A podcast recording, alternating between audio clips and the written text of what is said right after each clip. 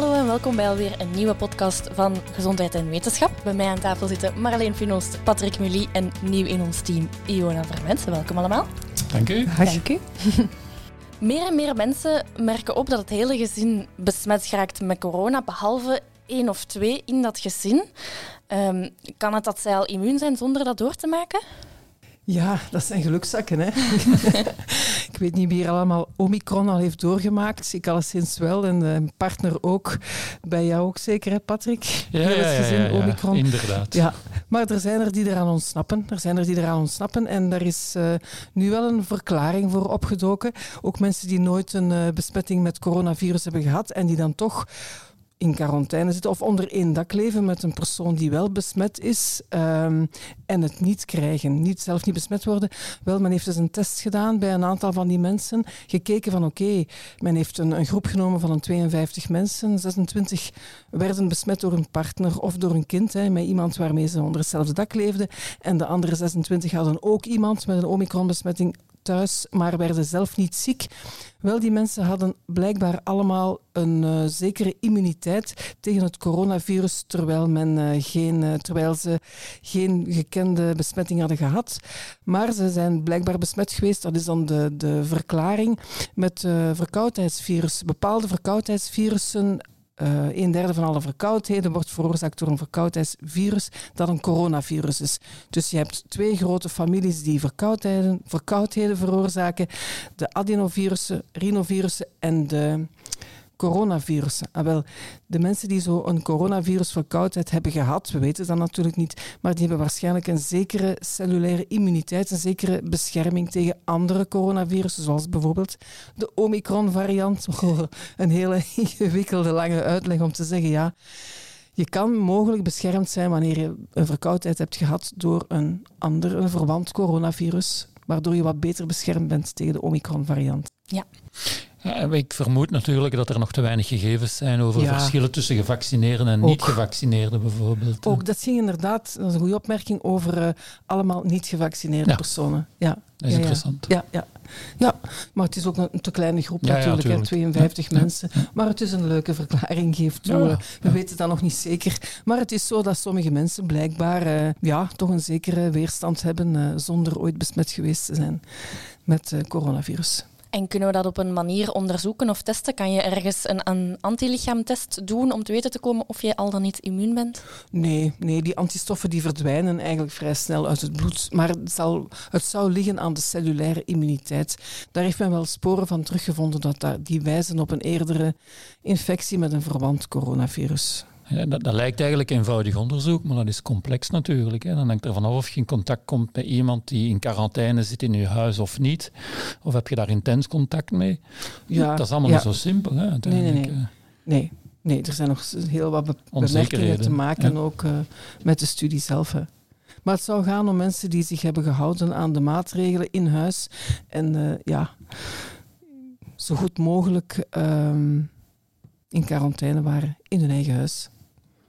Er zijn dus eigenlijk nog niet genoeg argumenten om het snot te gaan opzoeken. Nee, nee, nee. Begin maar eens al die snottenbellen te onderzoeken. Hè. Beginnen aan. Het is waarschijnlijk uh, nog altijd een beter idee om die boosterprik te gaan halen.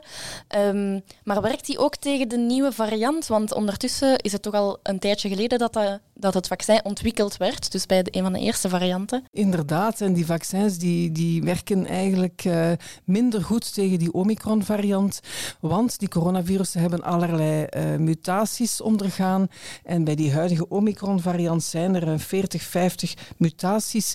Eigenlijk allemaal in het spike-eiwit, in die uitsteeksels precies daar waar de vaccins op werken. En uh, dan kan je de vraag stellen, waarom maakt men dan geen aangepast vaccin? Men heeft altijd gezegd, men kan dat gemakkelijk aanpassen, het vaccin.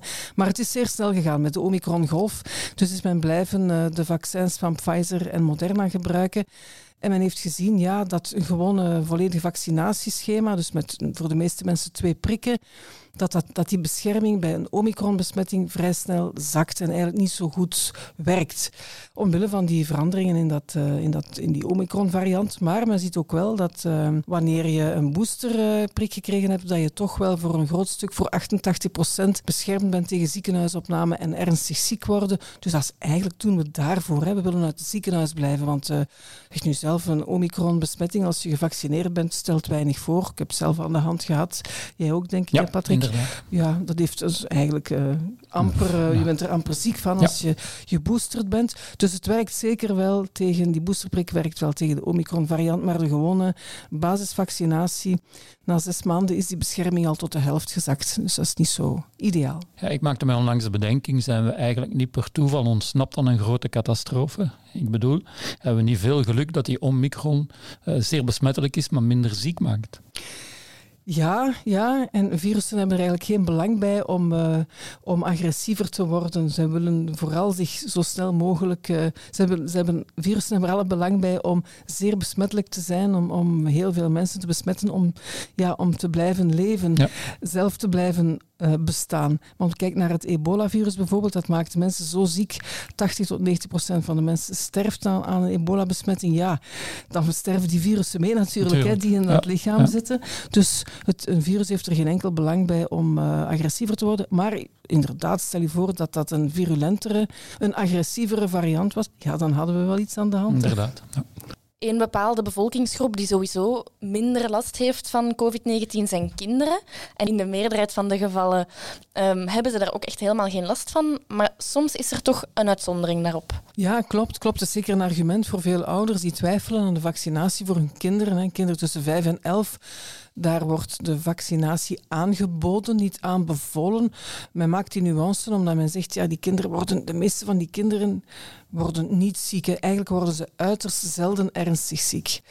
Maar ook uiterst zelden omdat de Omicron-variant zodanig veel mensen besmet en zeer veel kinderen besmet, zijn er toch al wel kinderen die daarmee in het ziekenhuis belanden. Vooral dan kinderen met een onderliggende aandoening ook. Maar in de Verenigde Staten bijvoorbeeld zijn er toch al een honderdtal kinderen overleden aan ernstige COVID-19. En hoe komt dat? Ja, er zijn een aantal complicaties van die COVID-19. Dus zeer zelden, zeer zelden nogmaals, maar toch, het kan dat zo'n kind uh, een hartspierontsteking krijgt. Meestal is dat ook niet zo ernstig, maar toch en je ziet het ook na vaccinatie. Hè. Dat, wordt, dat weten mensen wel beter, denk ik, dat je na vaccinatie uh, tegen COVID hartspierontsteking kan krijgen. Dat is een zeldzame, een zeer zeldzame nevenwerking. Wel, het komt toch wel vijf, vijf keer vaker voor na de infectie zelf. Kan je ook een hartspierontsteking krijgen. Dus dat kan. Uh, maar dat is zelden echt ernstig. Wat wel ernstig is, is wat we noemen het MISC-syndroom. Dat is Multisystem Inflammatory Syndrome in Children. Multisysteem inflammatoire syndroom in het Nederlands. En dat betekent dat er eigenlijk ontstekingen optreden, grote ontstekingen in diverse orgaansystemen, hart, longen, nieren, hersenen. Dus dat is een ernstige complicatie van COVID-19 bij kinderen. En daarvoor worden er wel kinderen gehospitaliseerd en zijn er ook bij ons al verschillende kinderen gehospitaliseerd en op intensieve zorg beland. Dat gaat, om, dat gaat echt maar om enkele kinderen, maar toch 2 per 100.000 om, precies te zijn. Maar toch, ja, je hebt dat liever niet. En als je dat kan vermijden met de vaccinatie, daar heb je dat niet. Dat is echt een nevenwerking van COVID-19, maar niet van de vaccinatie. Dat is eigenlijk wel een, een van de belangrijke argumenten om de kinderen ook wel, en voor zichzelf dan, om de kinderen te vaccineren tegen COVID-19. Natuurlijk zegt men ook, we vaccineren ze zodat ze naar school kunnen gaan, zodat ze kunnen deelnemen aan sportactiviteiten, dat ze in quarantaine moeten gaan, dat ze hun grootouders niet besmet. Dat zijn allemaal factoren die meespelen, maar toch voor het kind zelf is die zeldzame, nogmaals echt wel zeldzame nevenwerking, toch ook wel een reden om te zeggen van ja, geef die prik toch maar. Ja, pas op, en er zijn toch wel ook uh, zelfs uh, professoren van universiteiten die afraden in het verleden, een paar weken geleden, om kinderen te vaccineren, omdat er zogezegd te weinig argumenten waren. Ik denk dat die ook fout waren en die werden dan ook teruggefloten door de universiteit. Ja, inderdaad. Het is, een, het is ook moeilijk. Hè? Dat is heel wat anders. Mensen uh, nemen gemakkelijker de prik voor zichzelf, maar voor hun kinderen, ja. dat is een, een heel ander verhaal. Uh, toch wel uh, ja, niet evident. En ook, ja, ze worden natuurlijk zeer zelden ziek. Dat is, uh, ja, ja. dat is ook wel een punt. Ja, als je gaat voor risico nul, loop je groter risico. Dat is het ja. probleem. Dus daar is zeker een minimum risico aan vaccinatie, maar geen vaccinatie is nog een veel groter risico.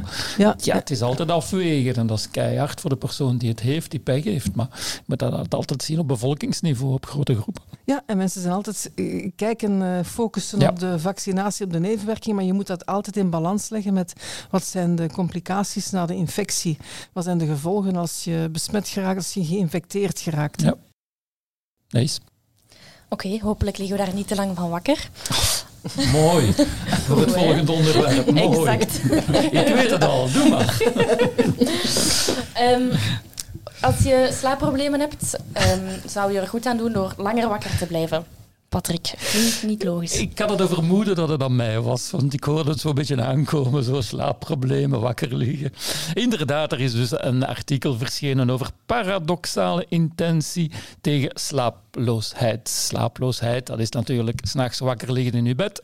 En wat zegt deze techniek? Bij deze techniek zal de therapeut nu juist de patiënt verbieden om te gaan slapen. Hij zal eigenlijk gaan verbieden wat de patiënt zou uh, moeten doen. Dat is eigenlijk zeer eigenaardig. Men houdt dus de patiënt opzettelijk wakker. En hij mag niet in zijn bed. In tegenstelling met klassieke uh, therapie, waar dat je de patiënt dan in zijn bed steekt en dan eventueel slaappillen of andere middelen toepast. Hier, nee, jij mag niet in je bed en jij gaat uh, blijven rondlopen tot als jij je bed ziet als redding. En dat jij dolgelukkig bent, dat je kunt gaan liggen. Um, deze onderzoekers hebben dus een literatuurstudie gedaan en ze hebben ongeveer negen studies gevonden. En inderdaad, als deze techniek, ik zal het nog één keer zeggen, paradoxale intentie vergelijken met geen interventie, dan zijn de resultaten voor deze paradoxale intentie goed. Als we dat vergelijken met andere technieken. Uh, ik denk aan meer psychologische aanpak. Ik denk aan warme melk voor s'avonds gaan. Ik denk aan bewegen voordat je gaat slapen en zo verder. Vele andere middelen. Dan zijn de resultaten vergelijkbaar. Dus conclusie, daar is geen wondermiddel tegen uh, slapeloosheid. Dit kan een hulpmiddel zijn. Uh, dit kan nuttig zijn voor bepaalde gevallen. En elkeen moet natuurlijk ergens gaan kiezen wat het best bij hem past. En liefst slaappillen vermijden of toch ja, maar beperkt gebruiken. Ik wilde net zeggen, heeft men het vergeleken met slaappillengebruik ook? Nee, nee, nee, nee, nee. met uh, zachte therapie ja, in het algemeen. Ja, ja. En daar zie je dat uh, ze allemaal helpen als ze volgehouden worden, toegepast worden. Als er een therapeut is, zal ook wel helpen. Iemand die uh, aandacht heeft voor uw probleem, die naar u luistert. En dat er een evolutie zit natuurlijk in die aanpak. Dat je niet blijft hangen bijvoorbeeld bij slaappillen of weet ik veel. Nee, het moet globaal aangepakt worden. Kan je dat ook zelf gebruiken thuis? Hoe moet je dat dan doen? Ik denk dat je dat zelf kunt gaan gebruiken thuis. Maar natuurlijk, we weten alle, al die uh, gedragsveranderingen die gaan altijd beter als er een therapeut achter zit die motiveert en steunt. Maar als je het zelf thuis gaat gebruiken, dan is dan gewoon één of twee, drie uur later gaan slapen. Niet in dat bed gaan liggen en piekeren, want uiteindelijk zoekt je dan het probleem op.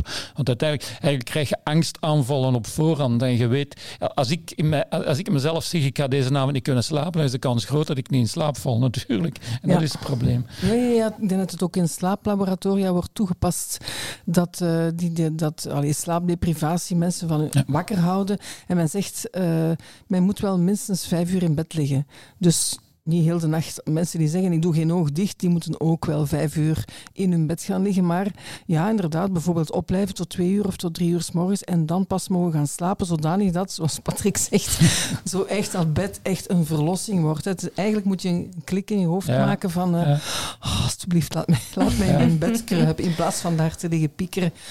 Ah, waarom niet? Het is wel de moeite om eens, uh, om eens uit te proberen, denk ik. Ik denk dat het een waardevolle techniek is om eens uit te proberen. En ik denk uh, zeker in vergelijking met die slaappillen, die kortstondig wel een oplossing kunnen bieden, maar niet op lang termijn. En ook dat verslavend is, zijn natuurlijk. En ook hè? verslavend ja. zijn, dat ja. die andere technieken zeer nuttig kunnen zijn, relaxatietechnieken en zo verder. Ja, en je kan langer opblijven. Ah, voilà. Niet, niet voor pubers.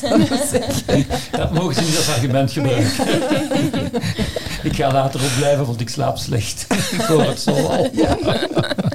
Kleine kanttekening. Je hebt dan tijd om bijvoorbeeld uh, vlak voor te gaan slapen nog te gaan lopen, 10 kilometer of zo. Hè? Um, want s'avonds gaan lopen of s'morgens gaan lopen, is daar een verschil in hoe dat je lichaam dat verwerkt? Wel, muizen wel. maar daar is wel een verschil in, uiteraard. Uh, deze studie was op een groep muizen. Dus die muizen werden bij het ontwaken op een loopband geplaatst gedurende een uur. Ik had dat wel willen zien. Het moet wel leuk zijn om dat te zien, die muizen die lopen op een loopband. Een andere groep muizen werden dan op een loopband geplaatst s'avonds voor het slapen gaan, ook een uur. En één groep, dat is eigenlijk de groep met veel geluk, die mochten gewoon op de loopband, maar de loopband bleef stilstaan. Dat was gewoon eigenlijk de controlegroep. Dat waren een beetje de luieriken, zal ik ze zo noemen, die muizen. Uh, de studie loopt zeer slecht af voor die muizen, want die werden natuurlijk allemaal massaal afgeslacht, opengesneden en onderzocht van boven tot beneden. Van de genen, organen en bloed en alles wat je nog maar wilt. En eigenlijk je moet wel oppassen, want deze studie is eigenlijk een atlas van alles wat mogelijk verschillend is tussen s'morgens en s'avonds. En een van die verschillen lag in het feit dat je s'morgens meer uh, bij het verwerken van of het bekomen van energie om te lopen, dat je dan meer vet gaat verbranden. En s'avonds, uh, om hetzelfde effect te hebben, om op die loopband te blijven lopen, zal je dus meer koolhydraten gaan verbranden. Dus conclusie van de studie, dat was, ja, mensen met obesitas kunnen beter s'morgens gaan lopen, want dan verbranden ze vet. En mensen met diabetes kunnen beter s'avonds gaan lopen, want, halen ze dan, want dan halen ze koolhydraten, glucose uit het bloed naar de spier. En dan hebben ze waarschijnlijk of misschien minder insuline nodig. Ja, maar, maar wacht eens even, maar muizen zijn dat geen nachtdieren? Ja, natuurlijk. Men heeft dat moeten stimuleren, simuleren. Men heeft dus ah. het leven van een mens moeten nadoen. en als het beestje wakker werd, vloog het op de loopband. En als het begon te geven, dan mocht het ook nog eens op de loopband. Oké, oké. Dus men zegt dat ook een ochtends vetloopjes. Is dat ja. altijd morgens? Ja, maar je, je, je, zit, je zit eigenlijk toch wel met een groot probleem. Dat is, eh, s morgens word je wakker en gaat je lopen, dan is eigenlijk, u, u, je zit nuchter. Je hebt de hele nacht niet gegeten. Er is minder spiersuiker of suiker in je lever. Met andere woorden is dat vrij logisch, want je wilt vooruitgaan met dat lopen dat je overgaat op een vetverbranding. Terwijl s'avonds de hele dag heb je hebt de hele dag gegeten en je lever is goed voorzien van glucose van, uh, en andere moleculen die interessant zijn voor, om te lopen. Um, dan is het een beetje normaal dat je dan eerst de gemakkelijkste vorm van energie s'avonds gaat gebruiken. Dat is glucose, dat is het meest eenvoudige. En eventueel pas nadien overgaat op een vetverbranding als je lang genoeg loopt. Dus je weet eigenlijk niet of dat een effect is van s morgens avonds of vasten, niet vasten. Ja, ja, Daar kun je geen onderscheid maken. nu, voor eender wie die loopt, is het belangrijk van te lopen. Want uiteindelijk, als je van A naar B wilt gaan aan op een uur 10 kilometer, heb je energie nodig. En of die energie nu eerst komt van vet, dan smelt je vet. Of die energie nadien, of eerst komt van koolhydraten, ja, dat is allemaal energie. Dat zijn calorieën die je verbruikt natuurlijk. En dat is het belangrijkste. En maakt, maakt het eigenlijk uit voor hoe dat het Um, hoe dat het voelt voor de personen. Is er, is er uh, bij u weten, vinden de mensen het meer comfortabel om, om s ochtends nuchter te gaan lopen? Of s'avonds? Of hangt dat af of dat je een ochtendmens of muis bent? Ja. een ochtendmuis, geweldig. Ja, wel, uh, voor muizen weet ik niet. Uh, is, is, is meer verversenheikunde. Maar ehm, ik kan u wel zeggen, bijvoorbeeld mijn vrouw loopt zeer graag s morgens vroeg om zes uur. En voor mij is dat totaal onmogelijk. Ik loop liever s'avonds. Um, je moet daar ook tegen kunnen. Hè. Je moet ook zien dat je bloedsuiker niet te laag valt, dat je daar geen, wat men zegt, een hypo krijgt, draaierig wordt.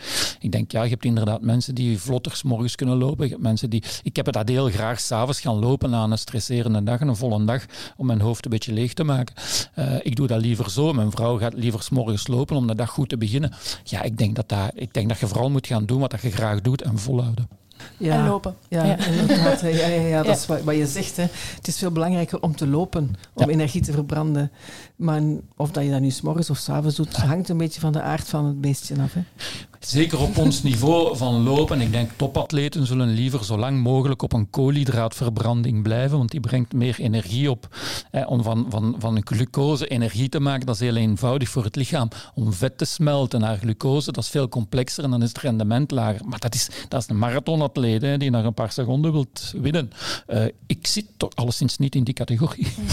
Marleen wel, hè? Marathons. maar toch ga ik liever s'avonds lopen, hoor. Oké. Okay. Geen ochtendmens. Um, en voor de mensen die willen afvallen, um, buiten lopen, moeten ze ook op hun voeding letten. Hoeveel minder moet je eten om af te vallen? Oh. Dat is een heel goede vraag. En eigenlijk dat lopen, uh, dat gaf zo geen goede resultaten in die studie trouwens. Oei. Ja, ik zal het even uitleggen. Dat waren dus drie groepen van 50 uh, eh, personen, deelnemers aan een studie. En de eerste groep die moest dan 30 minuten lopen, vier maal per week 30 minuten lopen. Dat is de groep sport, zal ik ze zo noemen. De tweede groep uh, hetzelfde, groep sport plus een matig dieet, dat wil zeggen dus min 200 calorieën per dag. Dat wil zeggen als je ongeveer 2000 calorieën nodig hebt om op gewicht te blijven, dat je dan een dieet krijgt van 1800 calorieën. En de derde groep, dat was dan de, de minst aangename, dat was sporten en min 600 calorieën per dag. Ja, dat is van 2000 naar 1400. Dat is een ijsje minder. Dat, is Dat zijn behoorlijk. vele ijsjes minder op einde van de rekening. Ja. Ja, ik denk niet dat het nog zo tof is om te sporten met min 600 calorieën, maar bon, dat is een andere discussie. En uiteindelijk na 20 weken, want dat is het positieve aan deze studie, men heeft gekeken naar 20 weken en niet naar na twee weken. En na 20 weken zag men de groep sport was ongeveer 1,7 kilo kwijt. Sport alleen, dat is niet veel eigenlijk, eh, 1,7 op 20 weken. Want ja, dat sporten, je ziet wel af natuurlijk.